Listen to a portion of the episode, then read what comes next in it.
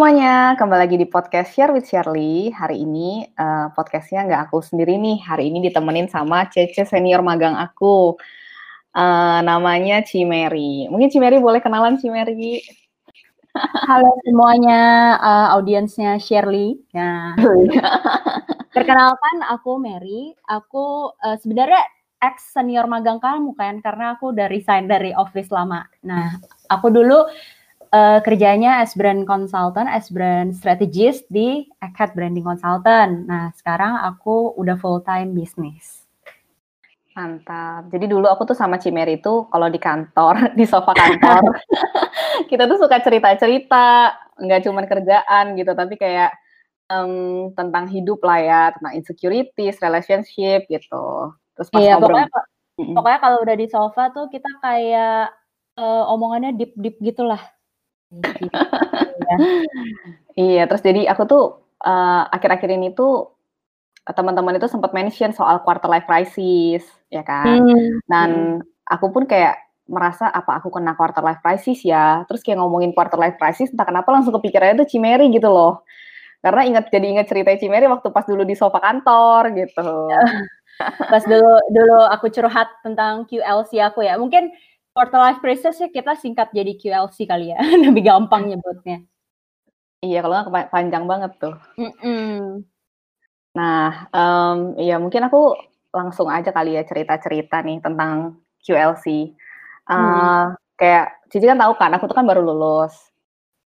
Nah, terus kayak hmm. entah kenapa ya langsung kayak diperhadapkan sama wow gitu. Ternyata uh, dunia kita setelah lulus tuh bener-bener apa ya, kayak belajar untuk jadi dewasa banget kali ya kayak mikirin nanti kita kerja uh, lima tahun ke depan tuh kita mau kayak gimana, apakah mau tetap stay di kantor atau mau buka usaha kayak gitu. Apalagi kan ngelihat teman-teman ya udah pada buka brand sendiri, terus kita hmm. kayak hmm. ngurusin brand orang terus, kapan ngurusin brand sendiri?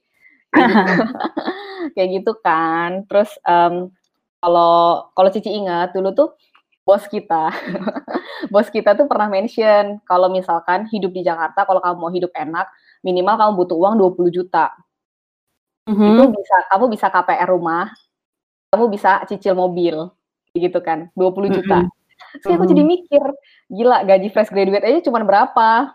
Mau sampai mm. kapan aku mencapai 20 juta itu kan, kayak gitu. Terus realita hidup ya itu ya. betul. Terus si mm, bosnya kan juga mention kan, kalau lu mau gaji 20 juta, kerjaan yang bisa lu pilih itu ada dua uh, entrepreneur sama marketing director hmm. gitu. Nah, jadi semakin terpacu kan, oh aku harus buka bisnis kayak gitu. Terus aku hmm. jadi kayak selama kerja tuh jadi mikir ya, harusnya fokus kerja malah pikirannya jadi ke mana-mana. Jadi kayak, aduh gue mau buka bisnis apa ya? Kan kalau buka bisnis harus sesuai sesuai kesenangan ya, kayak gitu kan. Hmm. Tapi gue sukanya apa ya? Apa ya bisnis yang bisa sustain ya? Oh, kita kan hmm. kan anak uh, brand ya, mungkin kita lebih tahu kalau bisnis tuh nggak cuma sembarang lu punya barang, lu jual, laku, ya udah gitu. Tapi kayak hmm. gimana nih bisnisnya bisa sustain gitu. Terus juga udah umur dua-dua, gila bentar lagi ya belum ada cowok sih. jadi jadi buat yang dengar uh, podcast ini bisa mendaftar ya. Siapa tahu kamu bisa jadi pasangan hidupnya Shirley. Aku promoin loh. Aduh, ya itu kayak mikir kan, ih gila gue udah umur 22. Sebenarnya aku nggak khawatir sih, maksudnya nggak khawatir kapan ketemu jodoh gitu loh. Tapi setidaknya kan harus prepare ya. Misalkan aku hmm. mau nikah 25 gitu. Terus kayak gimana duitnya, ngurusin duitnya apa segala macem.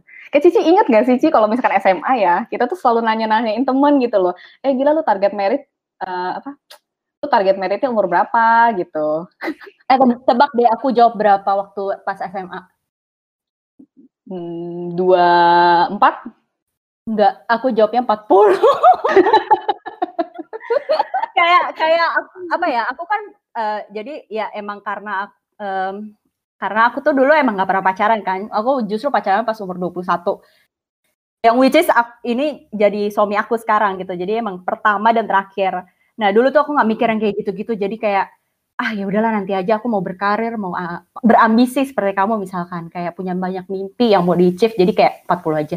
Terus diketawain dong sama teman-teman kayak, wah lu jadi perawan tua lu mer gitu-gitu, jadi kayak bercandaan gitu. Cuman kayak apa yang kita pikirkan ternyata realitanya belum tentu sesuai apa yang kita omongin gitu. Kayak aku bah, bahkan aku sekarang nikahnya umur 26 dong jadi. iya guys, for information Cimeri itu udah nikah satu tahun ya Ci ya. Gak iya, kerasa ya, banget. Baru, baru kayak kemarin ini first wedding anniversary asik. iya, nah um, ya itu kayak terlalu apa ya Ci? Maksudnya kayak terlalu banyak mikirin urusan masa depan lah ya. Kayak selama yeah, itu nggak yeah. pernah mikir tuh. Jadi itu kita kayak terlalu overwhelming kali ya, langsung hmm. dihadapkan dengan berbagai itu. Kalau Cici dulu jadi, QLC gimana sih? Jadi kalau aku tangkap dari uh, masalah yang dialami oleh generasi uh, baik itu milenial atau generasi Z ya yang kita ngomongin sekarang, itu tuh benar-benar um, di usia 20-an after kita graduate pasti itu akan menjadi kepusingan buat diri kita karena pilihan tuh terlalu banyak. Kamu bayangin deh, dulu tuh kita masih sekolah, kita kuliah itu tuh selalu didirect oleh sistem yang sudah ada dari dulu gitu kayak lu SD 6 tahun, lu SMP 3 tahun, SMA uh, 3 tahun, kuliah 4 tahun gitu kan. Jadi kayak selepas kita benar-benar lulus kuliah itu tuh kita nggak ada yang sistem yang menempatkan kita harus seperti apa gitu. That's why that's why pilihan terlalu banyak. Sedangkan kita juga somehow kayak belum mengerti kita maunya apa gitu. Jadi mungkin QLC itu sebenarnya kalau aku jabarin kali ya, QLC itu mungkin uh, terlalu banyak pilihan di depan mata kita yang di mana kita juga nggak tahu nih kita maunya apa dan kita juga bisa compare diri kita dengan diri orang lain sehingga kita ada di ambang-ambang kehidupan yang nggak jelas tujuannya ke mana kayak gitu. Jadi hmm. Nah, itu definisi menurut aku dan aku cari-cari juga yang seperti itu ya. Nah, um, karena aku kan udah umur 27 sebenarnya tahun ini. Nah, Mary udah 27? Udah 27, emang kamu pikir umur berapa? Dua-dua. Uh, terlihat masih muda, aku bahagia. jadi uh, jadi um, aku cerita aja pengalaman QLC aku ya ketika aku itu hmm. berumur 24. Sebenarnya waktu sekitar tiga tahun yang lalu berarti. Nah, um, sebenarnya aku ini latar belakangnya, aku ceritain dulu ya latar belakang aku kan lulusan uh, advertising di universitas swasta di Jakarta. Nah, setelah lulus itu um, aku ini uh, kerja sebagai brand strategist di perusahaan branding consultant gitu. Nah, nih aku ini tipe orang yang kalau misalkan mau menentukan keputusan dalam hidup, aku akan selalu berpikir why, kenapa gitu. Jadi kayak uh, oke okay, aku mau kuliah. Terus jurusan apa nih yang cocok buat aku? Nah, itu aku tuh galinya itu sampai ke tiga badan psikologi buat ambil uh, psikotes gitu loh. Aku cocoknya di jurusan apa? Terus aku hmm. kayak nanya-nanya orang, aku tuh cocoknya di mana dan aku merasa aku tuh enjoynya di mana gitu. Jadi kayak aku tuh tipe yang pengen setiap keputusan itu benar-benar gak diambil secara terburu-buru gitu. Jadi ketika aku masuk advertising juga itu karena um, karena aku suka mungkin komunikasi, desain dan lain-lain. Terus abis itu abis kuliah nih aku mikir mau kerja apa. Jadi uh, banyak pekerjaan yang di advertising tuh kan pokoknya lulusan advertising pasti masuknya ke agensi periklanan ya. Kamu kan yeah. anak DKV pasti ngerti kan.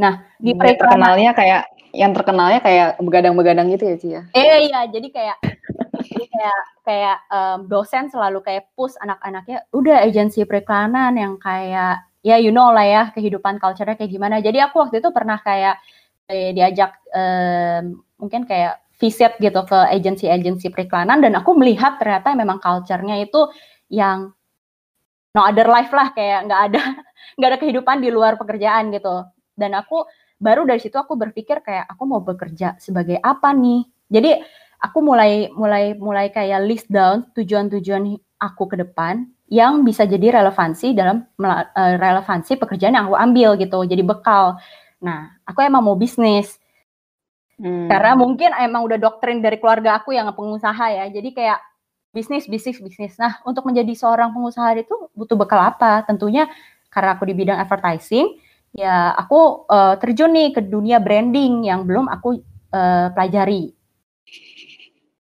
Dari situ aku mulai kerja, uh, kerja dari 2015 sampai uh, 2017 eh, 2016-an. Jadi kayak aku kerja cuma setahun gitu di company. Karena aku udah targetin aku mau bisnis kan. Nah, 2016 itu aku mulai bangun bisnis, bisnis F&B. Um, dan dari sana aku coba apply uh, aplikasikan nih uh, bekal yang aku udah dapat tentang ilmu branding ke dalam bisnis aku. Nah, udah dari situ um, aku tuh juga udah udah berpacaran sekitar dua tahun tahun 2016 itu kan. Nah, dari situ aku kayak mikir, oh ini gue udah achieve nih dream gue uh, sebagai entrepreneur. Terus gue juga udah punya pacar segala macam. Nah, setelah itu kayak um, ternyata nih guys, kalau misalkan kalian mau punya mimpi menjadi entrepreneur itu tuh nggak seindah yang kalian bayangkan. Karena memulai itu gampang, memulai itu excited, memulai itu penuh dengan apa ya semangat gitu, sparks. Nah tapi yang paling penting sebenarnya kalau dalam bisnis itu mempertahankan. Di mana tuh aku uh, ekspektasi aku dalam bisnis ya udah mulai uh, laku udah oke okay nih. Tapi aku lupa mempertahankan dan dari situ aku um, sekitar tahun 2000 2017 tuh ya aku kan running bisnis kayak wah udah mulai kayak bingung nih arahnya mau diapain lagi nih. Terus aku juga bingung nih arah maksudnya pacaran pacar pacar aku uh, kehidupan kita mau dibawa ke mana gitu. Terus kayak nah dari situ tuh aku uh, banyak pilihan yang aku bingung melangkah ke mana gitu kan. Nah hmm, terus jadi um, di tahun 2000 tepatnya 2018 awal, pacar aku pada saat itu mengajak untuk menikah. Nah, kita udah total hmm. berarti udah empat tahun pacaran. Nah, um, aku tuh kayak, hah nikah? Kayak even dulu gue nggak bercita-cita untuk nikah muda gitu kayak apa sih pernikahan gitu jadi kayak selalu kayak apa ketika ketika gue mau ngambil um, keputusan itu selalu dipertanyakan kenapa jadi kayak aku di situ mengalami quarter life crisis karena terlalu banyak pilihan nikah iya atau enggak uh, bisnis mau dibawa ke mana terus habis itu um, pokoknya banyaklah hal yang menumpuk pada saat itu yang membuat pilihan hidup tuh jadi bingung mau ke mana nah terus habis itu um, juga nikah juga butuh modal nggak sih Ci? nah ya butuh modal juga nah hmm. uh, terus kayak wah banyaklah hal-hal yang kayak ketika kita mau masuki fase yang baru itu benar-benar galau banget.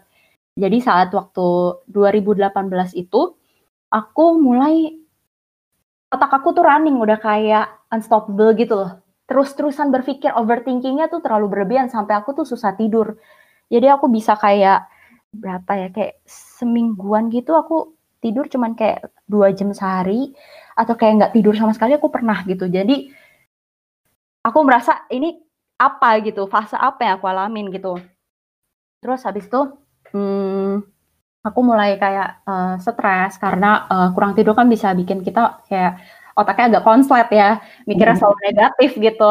Terus kayak kurang konsentrasi. Nah terus habis itu pada saat itu pekerjaan aku uh, sudah digantikan. Jadi kan aku uh, kerja di bisnis ini F&B aku biasa jaga toko gitu, jaga kasir segala macam dan itu udah digantikan oleh pegawai. Jadi aku kayak somehow kehilangan rutinitas aku sebagai kasir toko ya, kuat unquote. Hmm.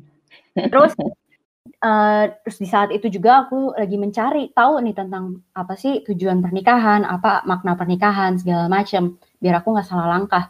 Nah, udah gitu, hmm, aku mencoba untuk kayak uh, berpikir nih, kira-kira apa sih yang aku alamin? Kenapa bisa aku tuh sesetres ini, segalau ini?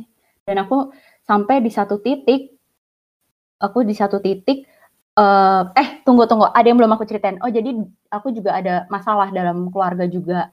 Nah itu sampai di satu titik aku tuh kayak wah gue udah capek nih eh, nggak uh, bisa tidur terus. Terus kayak selalu mikir something yang uh, benar-benar kayak negatif terus kayak overthinking segala macam akhirnya aku kayak mencoba untuk ke psikolog ya waktu saat itu. Nah ini aku juga merasa awalnya tuh takut dijudge ya jadi kayak um, hmm. oke okay, lu ke psikolog emang lu gila gitu nah Tapi hmm. kalau kalau aku nggak berbuat seperti itu, nggak ada nggak ada action dalam diri aku untuk kayak heal myself gitu yang yang aku bahkan nggak tahu reasonnya apa. Nah, QLC ini something yang benar-benar kita nggak bisa diagnos sendiri gitu kayak ah ini apa Tuh. sih alamin kayak. Ada gitu. yang diajak ngomong kayak semua muter-muter dalam otak sendiri nggak sih Ci? Nggak beres-beres. Iya betul kayak kayak gini loh kita um, ibaratnya kita lagi brainstorming tapi mind mapnya tuh terlalu ribet kayak kabel yang kusut jadi kita butuh yang bisa rapihin gitu yang bisa rapihin sehingga kita bisa menemukan source-nya itu apa hmm. nah kayak gitu nah habis itu aku mencoba tuh untuk uh, coba ke psikolog terus aku coba konsultasi apa yang terjadi sama aku sendiri ini gimana nah dari situ surprisingly aku mendapatkan banyak insight sih dari psikolog itu. Kayak misalkan um, pertama aku tuh mau nikah, jadi aku tuh benar-benar cari melihat beberapa pasangan yang udah nikah dan itu menjadi uh, kekecewaan karena pasangan yang aku lihat itu nggak sesuai dengan ekspektasi yaitu hmm. pasangan yang yang happily ever after habis nikah segala macem kayak hmm. banyak ini kayak cewek-cewek cewek-cewek kan selalu mikir ya sih maksudnya dulu aku pun berpikir kayak gitu mungkin kita terlalu banyak terekspos sama prince, Disney princess ya kayak oh nikah itu endingnya gitu loh is happily hmm. ever after gitu kan tapi ternyata waktu pas kita ngelihat uh, teman-teman kita bahkan di rumah kita sendiri nggak sih Ci kayak papa hmm. mama hmm. Kan mereka tuh struggle gitu loh sama pernikahannya mereka hmm. betul banget nih jadi uh, ketika aku dilempar pertanyaan oleh psikolog emangnya emangnya menurut kamu pernikahan itu apa gitu. Jadi ya aku pikir adalah pernikahan ya ya udah pasti itu impian semua wanita yang di mana happily ever after gitu ya akhirnya nikah gitu uh, terwujud. Tapi ternyata itu adalah awal sebuah jernih di mana nggak cuman bahagianya doang, pasti ada jatuh bangunnya. Dan kalau kita lihat keluarga kita juga nggak perfect gitu loh. Jadi um, aku mencoba untuk mengubah mindset aku yang ekspektasi dalam menuju pernikahan itu adalah kebahagiaan gitu, aku uh, lebih realistis gitu untuk uh, lebih memahami gitu arti pernikahan. Dan aku ketemu arti pernikahan yang aku cari itu dari kelas premarital yang ada di uh, gerejaku. Jadi hmm.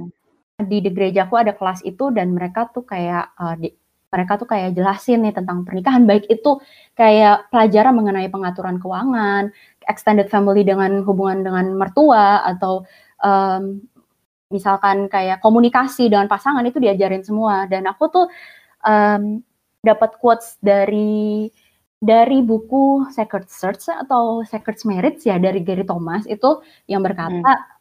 Hmm, kayak God design marriage not to make you happy but to make you holy gitu dan hmm. um, aku yakini ketika kita ngomongin holy itu berarti ketika uh, kita uh, karakter kita dibentuk uh, semakin matang supaya Tuhan Tuhan menyukai kita gitu. Jadi kayak apa ya serupa dengannya lah gitu. Jadi hmm. ketika menyerupai dengannya, kita butuh pasangan yang yang bisa mengasah kita dan mendewasakan kita. Dan ketika hmm. um, dua individu ini diasah seperti halnya kayak pisau diasah ini pasti kan sakit gitu banyak hmm. masalah hmm. banyak uh, naik turun dalam kehidupan pernikahan tapi bagaimana kita melewatinya jadi dari situ aku belajar bahwa kehidupan pernikahan itu adalah kerendahan hati kita untuk mau dibentuk dengan pasangan kita gitu jadi hmm. mindset tentang happy segala macam melihat kekecewaan di uh, orang-orang lain gitu tentang kehidupan pernikahan mereka itu uh, udah kayak uh, digantikan dengan sudut pandang yang aku anut ya sesuai dengan keyakinan aku yaitu menjadi lebih dewasa gitu dengan pasangan. Nah dari situ satu persatu masalah-masalah itu tuh kayak terchecklist gitu. Oh ini udah. Terus yang kedua ini tentang um, bisnis segala macam gitu kayak aku diajarin bahwa ekspektasi bisnis itu adalah setia dalam proses. Jadi um, oke okay, kan kita banyak lihat bisnis tuh gampang growth cepet segala macam kan. Tapi sebenarnya yang terpenting tuh bukan hasil ya, tapi proses ya di mana kita tekun gitu untuk kayak ya udah nih satu persatu kita kerjain dan kita juga punya visi dan misi dalam bisnis. Jadi nggak cuma memulai tapi uh, mempertahankan gitu. Terus abis itu aku juga diajarin sama uh, konselor aku itu uh, mengenai berdamai dengan masa lalu. Karena hmm. uh, aku belum pernah bilang ya, jadi ya mungkin ada beberapa kepahitan dalam keluarga yang belum terselesaikan dan dari situ dia kayak kayak apa ya kayak kayak memberitahu nih sebelum memasuki jenjang pernikahan ya memang harus mem, berdamai dengan masa lalu sehingga masalah itu tidak dibawa dalam jenjang pernikahan gitu loh. Jadi ya satu persatu itu mulai terchecklist tuh kayak oh hmm. oke okay, oke okay, oke okay, ini udah selesai kalau udah selesai. Terus ada satu hal lagi nih yang menarik. Karena aku tuh tipenya yang selalu berencana dan rencana itu mostly berhasil ya. Jadi aku ekspektasi aku dalam hidup lumayan tinggi gitu. Jadi hmm. uh, dia bilang gini, uh, Mary kamu coba deh untuk berpikir secara realistis gitu. Hmm. Berpikir realistis maksudnya apa? Terus dia kasih contoh. Coba kamu misalkan, uh, aku tanya nih, apa pengertian kamu tentang positive thinking sama think positive? Coba share. Hmm. Bisa jawab pertanyaan aku. Bedanya Waduh, dites um, think positif sama positive thinking ya sih. Mm-hmm. Kayaknya kalau misalkan think positif itu, sih pernah dengar nggak soal uh, apa namanya toxic positivity? Maksudnya kalau aku berpikir kalau misalkan think positivity itu segala-galanya tuh dijadiin positif gitu loh. Mm-hmm. Ya kalau misalkan kita lagi ada masalah, ya udah lihat aja sisi positifnya gitu. Gak apa-apa kok, kamu gak apa-apa karena masalah gitu kan. Tapi kan gimana ya? Kadang ketika kita ada masalah kita tuh nggak butuh lip service kayak gitu gitu loh. Kayak gitu tuh malah jadi kayak nggak enak gitu loh. Think positif gitu menurut aku ya. Mm-hmm. Kalau positive thinking atau kebalik ya think positif atau positive thinking. Lu lumayan bingung. Menurut Cici gimana?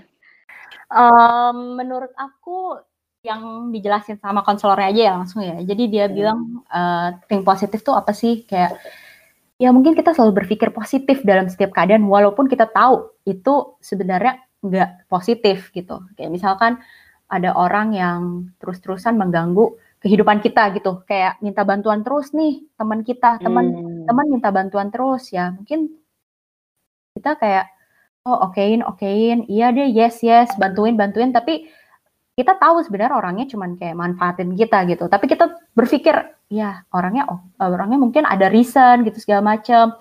Terlalu positif sehingga kita juga susah men-set boundaries kita. Jadi itu sebenarnya um, positif yang sebenarnya nggak bijaksana gitu. Nah, positive thinking itu adalah arti dari think realistically. Jadi berpikir realistis. Kayak misalkan, oh dia gue tahu dia cuma manfaatin gue nah gue benar-benar harus set boundaries nih say no gitu.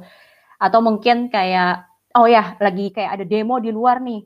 Terus habis hmm. itu kita tuh kayak uh, menjadikan diri kita tuh kayak pahlawan yang harus menyelamatkan Indonesia dari demo gitu. Kayak stres bawaannya stres gitu. Kayak hmm. aduh aku tuh stres banget loh Indonesia kok begini banget sih? Apa-apa dikit-dikit demo apa-apa kayak anarkis gitu-gitu Nah, ini bisa jadi mental um, apa ya breakdown buat kita sendiri padahal itu bukan tanggung jawab kita. Jadi kita berpikir realistis maksudnya oh oke okay, Indonesia ada demo. Ya udah, emang orangnya begitu gitu. Kita gak hmm. bukan kita yang bertanggung jawab atas demo itu, kita punya partnya sendiri. Jadi mencoba untuk berpikir realistis adalah uh, salah satu cara bagaimana kita bisa uh, melewati hmm, beban mental gitu. Misalkan hmm, kita ada masalah, kita ada apa gitu. Kalau kita berpikir secara realistis, kita bisa mengurangi lah um, ke kegilaan, warasan kita gitu. Jadi sepertinya aku kayaknya nangkep deh. Maksudnya kayak ting realistis tuh maksudnya kita jangan berpikir semuanya itu ada di dalam kontrol kita, ya nggak sih? Ci? Betul, betul. Nah, hmm. ada satu satu quotes yang aku suka banget dan ini membantu aku dalam melewati quarter life crisis. Bentar, aku cari. Uh, jadi ini ini ini bukan dari psikolog aku, tapi ini dari uh, tokoh pembina aku. Jadi dia bilang gini, um, jadi dia kasih quotes, God grant me the serenity to accept the things I cannot change, courage to change the things I can, and wisdom to know the difference. Jadi apa ya? Kita kita harus uh, lebih accept something yang udah kita nggak bisa ubah gitu. Kayak banjir. Pandemi ini pandemi ini pandemi ini. Ya, covid datang. Terus kita kayak ya udah gak usah sampai kita harus ya kenapa sih kenapa sih kenapa? Ya emang covid datang kita nggak bisa berbuat apa-apa. Itu di luar kendali kita terus keberanian untuk mengubah apa yang kita bisa. Jadi kita minta Tuhan untuk memberikan keberanian untuk mengubah apa yang kita bisa.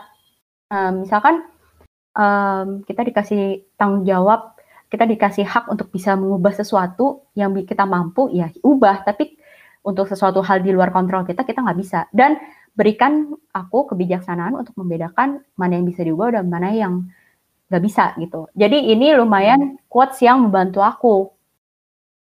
Karena um, karena aku kayak lumayan lumayan karena aku selalu berencana dan selalu terfulfill jadi aku pengen hidup aku tuh under my control gitu. Nah itu itu itu sebenarnya kayak salahnya sih di situ.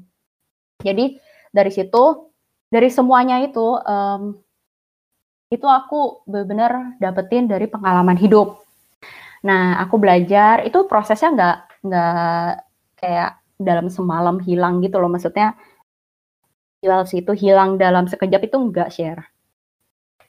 Jadi hmm. butuh proses untuk uh, melewati masa-masa itu.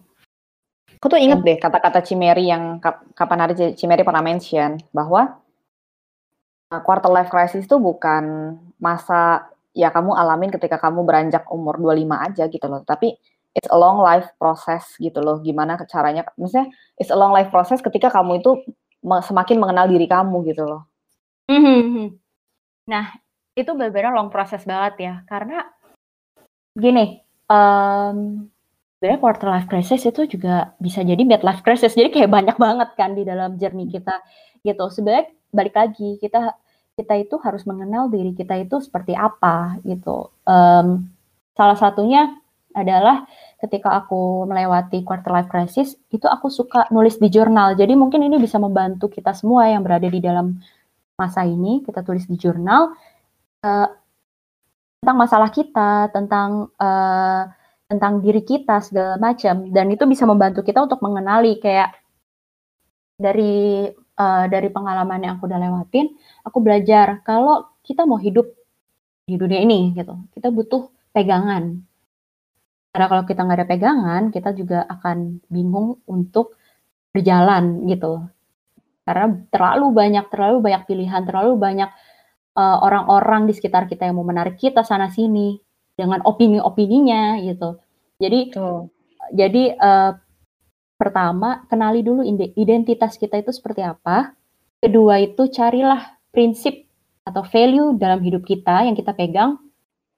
Dan ketiga, kamu juga harus lebih bisa disiplin atau lebih tegas dalam menjaga boundaries kamu gitu dengan orang-orang yang tidak seprinsip misalkan yang aku udah sempat ceritain tadi, uh, dare to say no untuk hal-hal yang bukan kamu gitu. Hmm. Terus yang baru itu uh, think, rea think realistically itu juga membantu banget. Uh, nah dari situ baru tuh kamu bisa lebih mantep gitu untuk menjalani journey kamu. Tapi entah kenapa ya Ci, Cici kan dari tadi udah dua kali tuh mention kayak set boundaries gitu kan. Kalau ini mm -hmm. ya, ini ini berdasarkan yang aku alami nih Ci kayak um, jujur, aku tuh dulu sebelum pandemi ya, aku tuh jarang jarang mikirin loh, sebenarnya aku ini sukanya apa, kayak gitu loh. Aku ini sebenarnya orangnya kayak gimana, gitu loh. Tapi pas pandemi, kita tuh kan di rumah aja. Dipaksa berpikir gitu loh. Kita ini sebenarnya orangnya tuh kayak gimana sih? Hmm. Jadi kadang kalau orang bilang, kalau orang kalau orang kan kadang kan suka ngomong kan, uh, kamu harus set kayak tadi Cici, set boundaries. Kamu nah, kan iya. harus tahu mana yang kamu suka, mana yang kamu gak suka mana yang bikin kamu beban, mana yang enggak gitu loh. Tapi jujur aku bingung.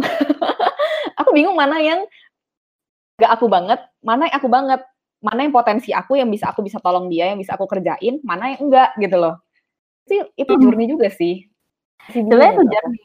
Aku bener-bener labil banget jadi orang pas lagi zaman SMA kuliah. Kayak kayak tipe yang kayak ya ya udah ayo ya bingung gimana ya udah jadi kayak gampang ke bawah gitu dan itu membuat aku juga lumayan sengsara juga dalam hidup kayak kenapa gue begini? Aturan kan gue nggak begini gitu. Nah itu sebenarnya jernih sih. Jadi um, aku pernah jadi pas jadi aku ceritain ya bagaimana aku bisa benar-benar kayak kekeh gitu di dalam identitas diri aku. Jadi hmm, aku tipe orang yang sebenarnya lumayan pride-nya tinggi. Jadi pas ketika aku pacaran, itu aku pengennya tuh kayak dicariin lah, terus dia minta maaf duluan lah, kayak kayak kayak apa sih kayak aku merasa diri aku tuh wow gitu nah. Sampai cowoknya harus bucin gitu ya Ci ya. Sekarang yang tren tuh bucin. Ya, sekarang sekarang sih udah enggak loh.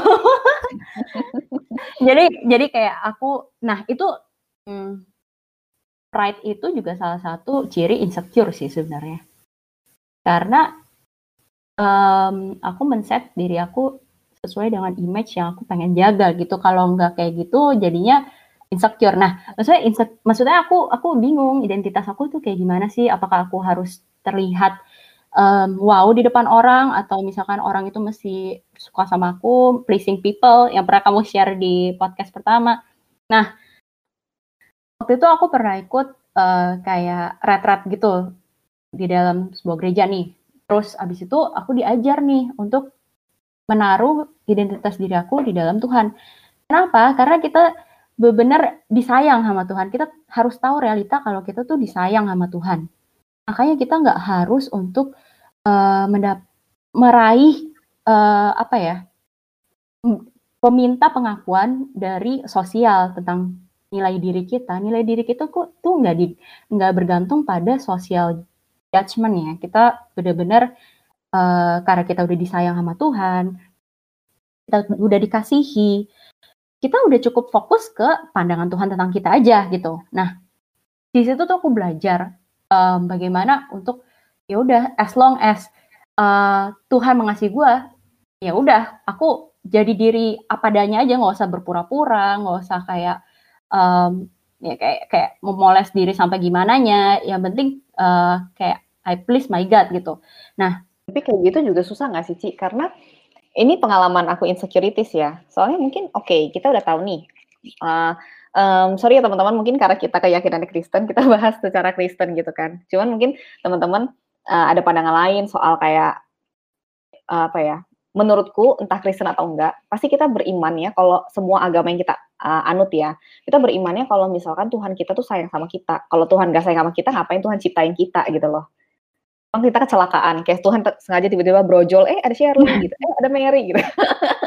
kan gak gitu kan konsepnya. Nah, um, cuman jurninya tuh gini loh Ci, karena ketika kita, kita tahu nih Tuhan kita sayang sama kita. Tapi kan kita gak kelihatan sama Tuhan itu gitu loh kita beraktivitas hmm. sama orang-orang sekeliling kita gitu kan. Dan orang-orang sekeliling kita ber, bertindak hal yang berbeda gitu loh sama yang Tuhan ngomong tentang kita gitu. Itu yang susah sih.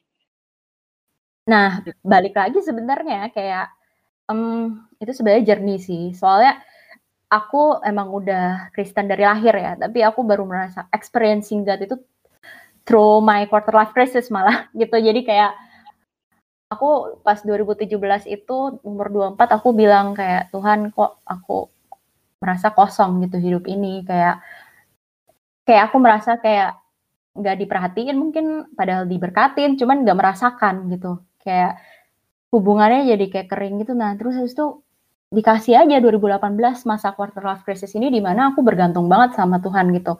Jadi pas um, apa ya um, ya aku tahu aku berharga segala macam ya aku uh, berusaha untuk kayak dulu aku suka pleasing people share kayak pleasing people ada orang yang ngomongin aku aku baper gitu-gitu segala. Tapi aku mulai kayak kayak kayak mulai udah cuek bodoh amat mau ngomong apa. Yang penting ya udah kayak I do my own gitu terus um, ya sebenarnya itu spiritual journey masing-masing ya jadi ya emang um, sebenarnya itu kayak pengalaman pribadi sih karena aku kan juga merasakan gitu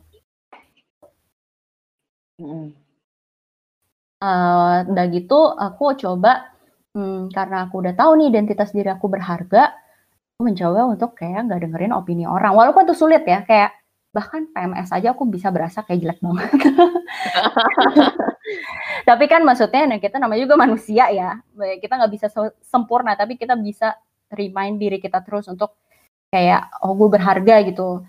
Nah, um, ketika pas yang ketika kita udah tahu nih identitas diri kita berharga tanpa opini dari orang lain gitu, tanpa bergantung uh, nilai diri kita dengan opini orang lain, kita tuh masuk ke fase berikutnya yaitu sebenarnya prinsip aku dalam hidup tuh apa gitu. Prinsip itu beberapa penting sih.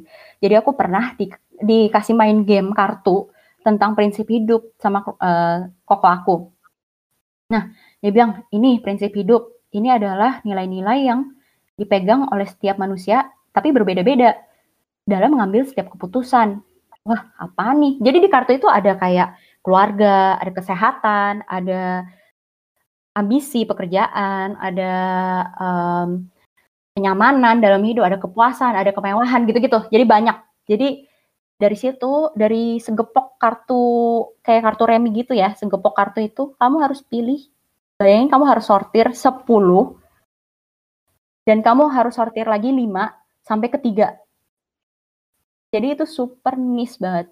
Dan ketika kita kayak bingung karena ketika kita milihnya terlalu banyak, berarti kita belum belum firm gitu dalam uh, kita belum maksudnya belum firm masih labil lah dalam hidup gitu.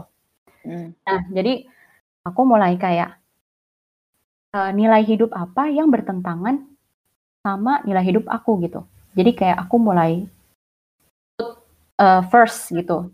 Kayak aku rankingin dari 1 sampai 10 nomor satu apa, nomor dua apa, segala macam. Nah, aku tuh benar-benar prioritasin kesehatan. Jadi karena aku tuh dulu orangnya ambisius ya, um, kan aku udah pernah cerita itu aku uh, sempat mention Monica umur 40 demi karir segala macam kayak aku orang ambisius, tapi waktu pada saat 2013 pas aku kuliah untuk mengejar IP tinggi, aku pernah kena sakit yang di mana itu bikin aku untuk kayak ya udahlah, ya udahlah gitu. Jadi aku mementingkan kesehatan kesehatan, keluarga, persahabatan, terus kayak iman segala macam itu dalam prioritas hidup aku. Nah, hal-hal yang bertentangan, misalkan nih dikasih kerjaan kantoran terus dibuat lebur setiap hari, kayak di agensi periklanan ya biasa, itu pasti akan mengganggu value hidup aku yaitu kesehatan. Jadi aku akan menolak gitu.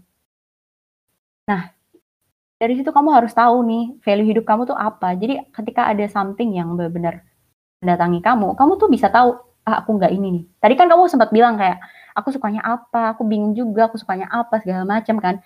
Nah untuk mencari tahu itu lagi-lagi kayak ya kamu harus tahu ketika kamu nggak menyaman uh, dalam suatu situasi itu pas kapan. Misalkan pas um, mungkin ketika kamu diajak ke kayak party gitu. Kayak hmm. party yang mungkin yang kayak clubbing segala macam. Kamu nggak nyaman karena kamu nggak suka bau rokok atau kamu nggak suka minum-minum segala macam. Ya itu berarti value kamu. Kamu nggak suka yang kayak gitu gitu. Jadi itu bisa membantu kamu dan mungkin kalau lebih objektif kamu nanya orang-orang dekat. Aku orangnya seperti apa gitu. Yang dekat ya, yang tahu kamu kena, uh, kenal luar dalam. Dari situ bisa ngebantu kamu sebenarnya ini kayak uh, metode branding sih. Dalam kualitatif research ya. Eksternal dan internal audit ya. Audit diri sendiri gitu. Nah ya udah itu sih. Kalau kalau dari uh, yang aku alamin kayak gitu sih untuk uh, bisa firm dalam hidup ini bisa kayak menjalani tanpa harus gampang terpengaruh gitu. Kamu harus tahu kenal diri kamu sendiri kayak gitu. Hmm. Oke, dan itu juga nggak gampang ya. Sekali lagi nih journey, nggak tiba-tiba, oke okay, aku beres quarter life crisis, bye-bye semuanya. Betul. Tapi setelah aku konseling, setelah aku kelilingin diri aku dengan support people gitu kayak wow mereka tuh kasih advice yang baik segala macam itu aku juga lebih better aku bisa tidur nyenyak aku bisa nikah akhirnya kan aku bisa ya aku udah kehidupan pernikahan setahun dan aku bersyukur sih aku galauin masa itu karena aku jadinya lebih prepare aja dalam menghidupi pernikahan. Terus habis itu aku juga uh, lebih tahu nih arah hidup aku ke mana. Tapi aku tetap apa ya, ya ini nggak nggak menentukan aku bisa nggak kayak gini lagi gitu loh. Maksudnya kayak persimpangan quarter life crisis kan kayak persimpangan hidup pasti akan ada de decision yang banyak di depan kita yang harus kita pilih. Nah dari situ kita harus lebih wise lah dalam memilih jalan itu gitu. Ya, sebenarnya boleh dibilang kalau kita mengalami quarter life crisis, harusnya kita bersyukur ya, Ci. Maksudnya, uh, jadi kita mikir gitu loh.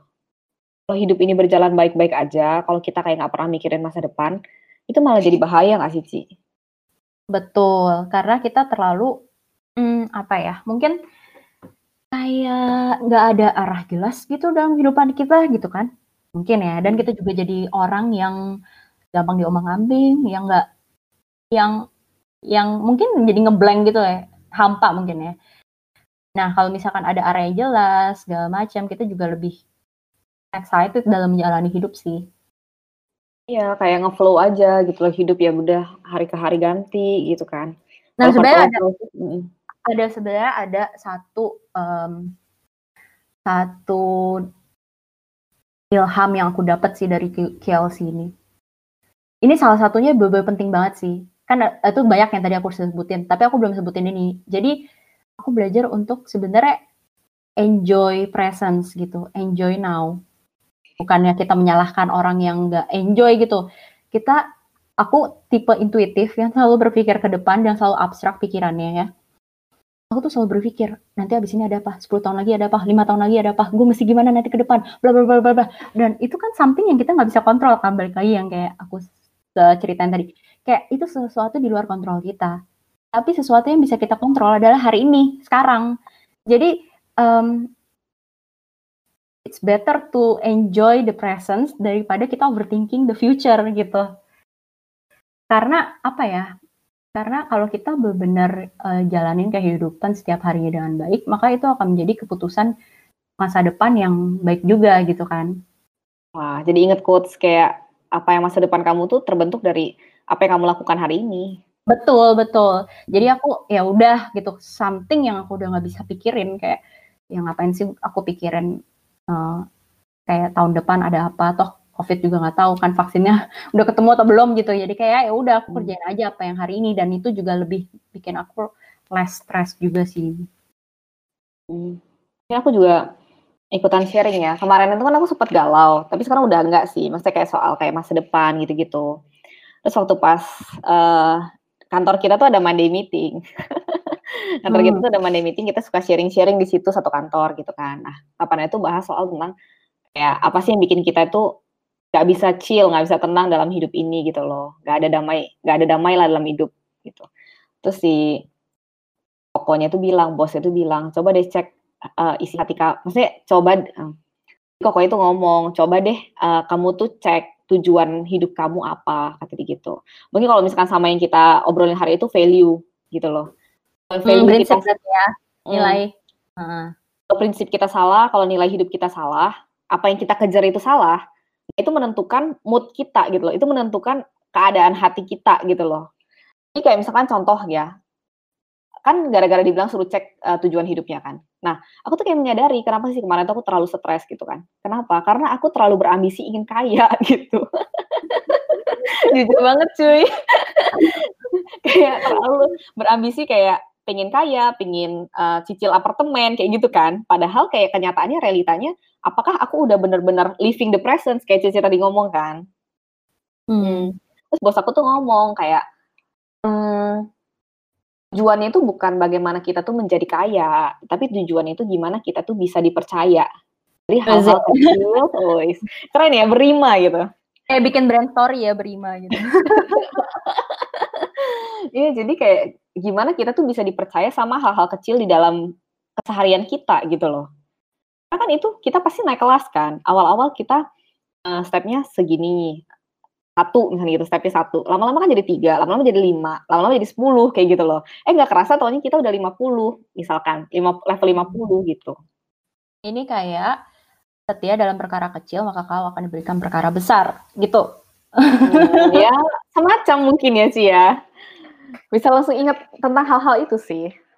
Sebenarnya benar sih kalau misalkan kita fokus ke harta yang secara material itu kan sesuatu yang bisa hilang suatu saat nanti gitu. Kalau misalkan kita bergantung pada hal-hal yang hilang gitu kayak kayak yang kekayaan itu ya kita juga ketika kita hilang kekayaan itu kita bisa stres gitu. Kita menaruh hati kita di uh, kaya gitu.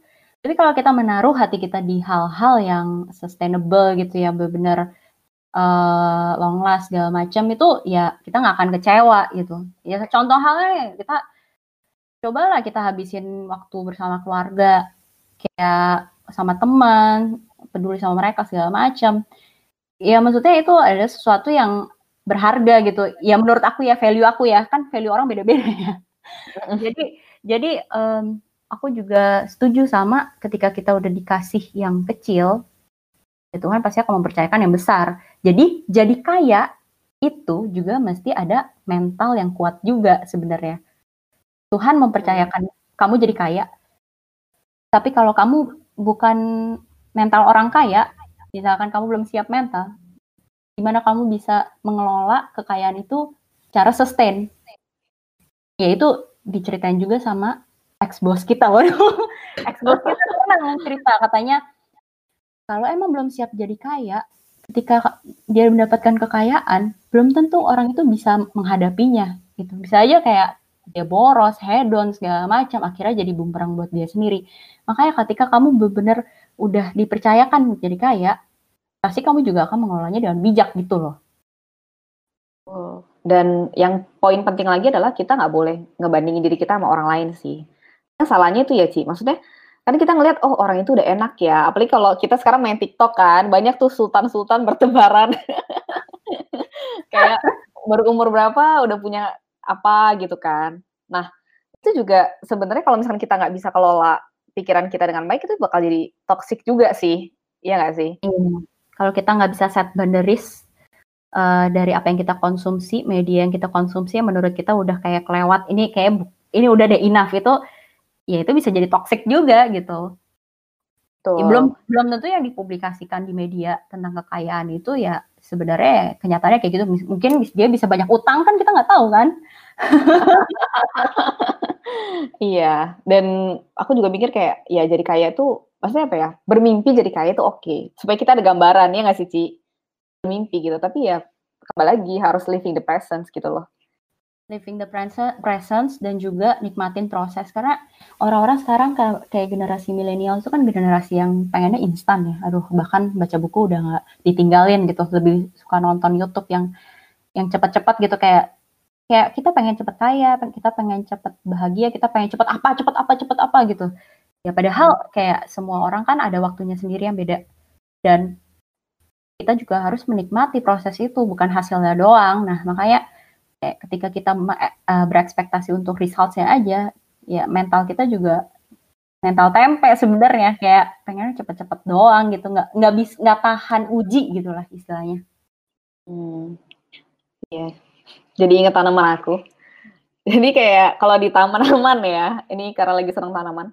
Jadi di tanaman itu maksudnya apa ya? Tanaman yang benar-benar bagus yang kayak sering ber, ber, ber buah yang sering bertunas gitu, pasti akarnya tuh kokoh gitu loh. Kalau misalkan tanamannya mau gede gitu, dan itu pun juga gitu nggak sih di kehidupan kita.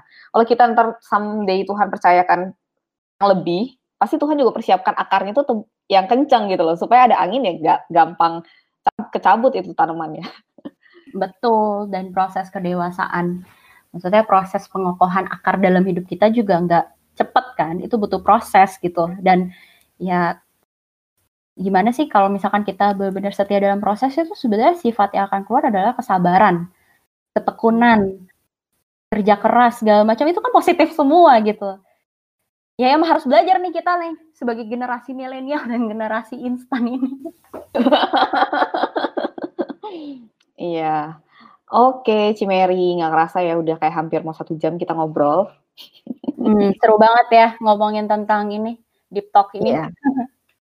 Iya, nah mungkin aku summary-in summary-in kali ya supaya misalkan ada poin-poin yang lewat gitu. Hmm.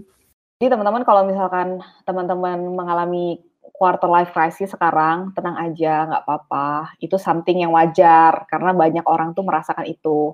Kalau teman-teman merasakan itu nggak apa-apa, bersyukur aja karena ketika teman-teman dikasih quarter life crisis, kalian jadi berpikir tentang hidup ini, tentang tujuan kalian ke depan, tentang value hidup kalian yang mungkin selama ini nggak pernah kita pikirin gitu loh. Soalnya itu pun yang aku alamin ya, kayak ya udahlah hidup lewat-lewat aja gitu.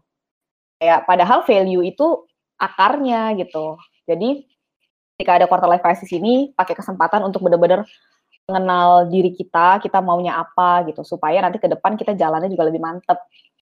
Itu tentang pernikahan, ciailah. Yang ngomong single ya. Itu kode, guys. tentang pernikahan, tentang pekerjaan, tentang karir ke depan. Maksudnya itu uh, di masa depan kalian boleh bermimpi, cuman jangan lupa juga untuk living the present gitu teman-teman usahakan yang terbaik uh, dalam masa sekarang bersama dengan teman-teman support system yang juga uh, apa ya mendorong kalian gitu loh. Kita pasti kan udah ada perasaan ya kalau misalkan ini teman kita tuh toxic kayak gitu. Hmm. Toxic dalam artian kayak bukan yang mendorong kita untuk bertumbuh malah jadi menjerumuskan. ya malah jadi menjerumuskan gitu kan. Nah, itu. Dan yang dari tadi Cimeri suka ngomong adalah set boundaries Hmm, berpikir realistis ya. ya positive thinking. Berpikir realistis, positive thinking, set boundaries. Karena ketika kita sebenarnya sebelum kita set boundaries, kita udah harus tahu dulu tuh identitas diri kita, ya, value diri kita, baru kita bisa set boundaries. Iya, dan jangan lupa kalau ada masalah speak up, jangan dipendem. Karena itu ngumpulin sampah di dalam diri. Betul. Sekarang psikolog banyak guys, dan jangan takut. Thank you. Bye bye. See you di podcast selanjutnya. Bye bye.